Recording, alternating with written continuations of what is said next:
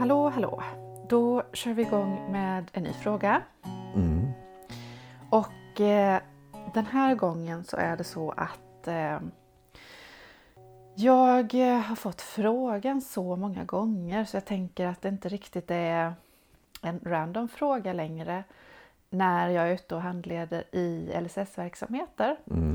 och som handlar om eh, stalking i eh, kombination då med de personer som bor på LSS-boenden. Att, alltså att det är de här personerna som eh, är stalkers, eh, eller vad man ska säga. Och eh, alltså själva begreppet stalking är ju också ett eh, värdeladdat ord. Det här kommer upp i handledning så blir det också väldigt känslofyllt.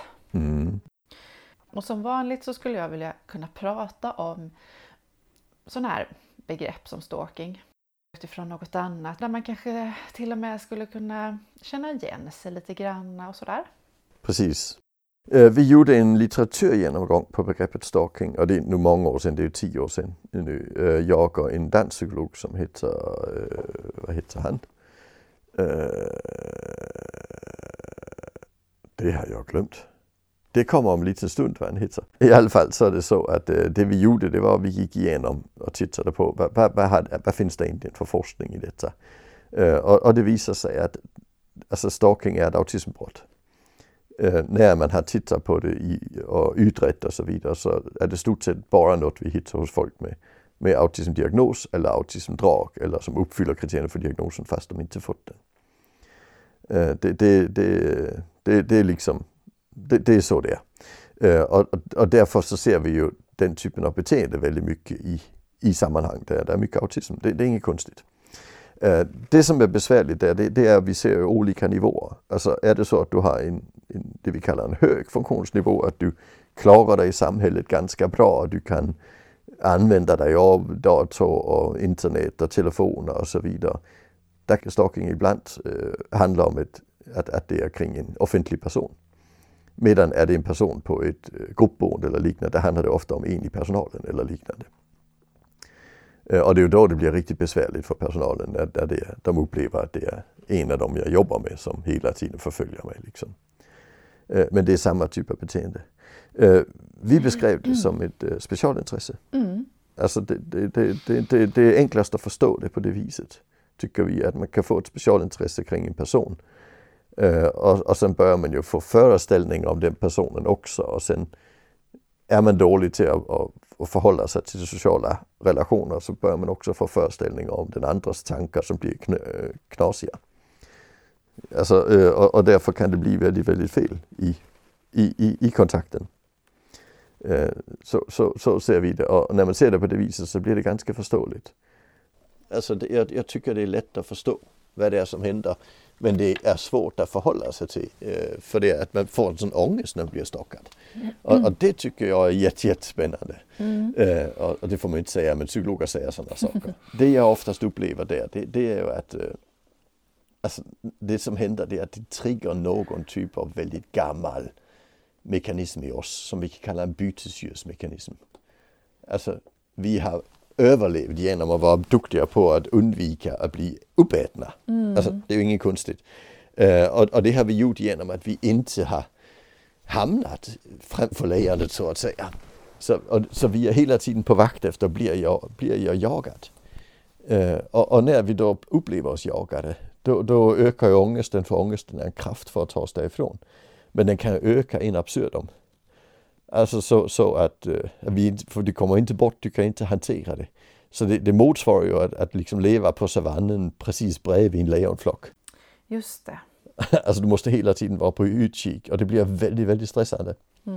Och då blir personal sjukskrivna om det är personal det händer.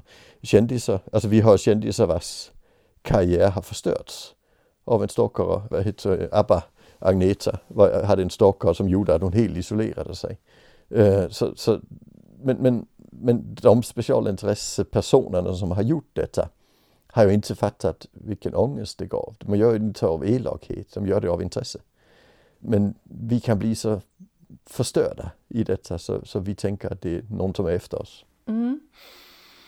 Och, och när det blir så då att eh, ja, men man, eh, man, man snurrar in i detta och eh, ångesten triggas igång och eh, ja, hur, hur, ska man, hur ska man hantera det här som, som personal då? Alltså jag, jag brukar rekommendera att vi omplacerar. Om det är så att det handlar, handlar om LSS-boende, vi har en, en person som har ett specialintresse kring en anställd. Mm. Då omplacerar vi den anställda när, när ångesten blir för stor. Uh, alltså, så då får du jobba med någon annan ett tag liksom. Och sen får du kanske komma tillbaka. Jag tycker det brukar vara bra att vi upprätthåller kontakten genom att strukturera. Vi fikar på fredag eftermiddag och jag kommer dit en kvart och du och jag fikar ihop. Alltså för annars är det risk att personen bara går vidare till en annan och sen får vi hela tiden byta personal. Men, men att vi liksom har igen ett beredskap. Jag tänker alltså, allt arbete i det här fältet handlar om att ha ett beredskap. Mm. Och beredskapet är att vi måste ha möjlighet att omplacera och vi måste upprätthålla en, en viss form för kontakt så att, att personen liksom stannar i, i detta på, på bra vis. Liksom. Alternativet är sjukskrivning. Alltså, vissa säger, men varför ska jag flytta mig för att han gör så? det, är inte, det, är inte, det är oviktigt. Vi får inte lägga moraliskt perspektiv på det och säga att han ska fan låta bli. För det kommer inte hjälpa. Nej, nej, och ser man det utifrån eh, det här med att det handlar om specialintresse så, så då får man ju förhålla sig till det som till vilket specialintresse som helst om det skulle handla om, eh, om grodor eller om dinosaurier eller om rymden eller vad det nu kan vara. Men, eh, men, men sådana intressen lägger vi ju heller inget moraliskt eh, filter på. Nej, det, det, är bara de vi är rädda för. Knivar och så har jag upplevt att personal har lite svårt att hantera. men, men, men, men, men här där, där blir det ofta att vi liksom lägger det här moraliska perspektivet. Och det kostar personalens sjukskrivning. Alltså personalen blir sjukskriven för att vi inte tänker konkret.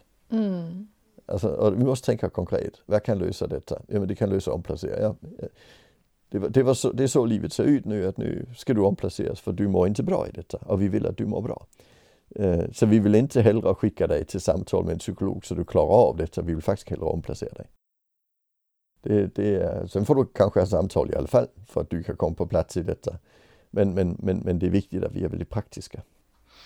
Mm. Ja, men jag tänker att du beskriver ju personalen som, eh, alltså det är ju ett gäng pusselbitar som, mm. som eh, placeras ut kring kring personen i fråga och att man kan behöva lägga om det pusslet lite grann ibland. Ehm, så att det, så att det passar, passar allra bäst för personen där i mitten. Ja, det är en personcentrerad, personcentrerad arbetssätt. Det är inte personalcentrerad arbetssätt. Mm. Mm. Då har man lärt sig lite mer om eh, att, att bredda synen på specialintresse lite grann skulle man kanske kunna säga. Eh, tusen tack för idag Bo och så hörs vi igen nästa gång helt enkelt.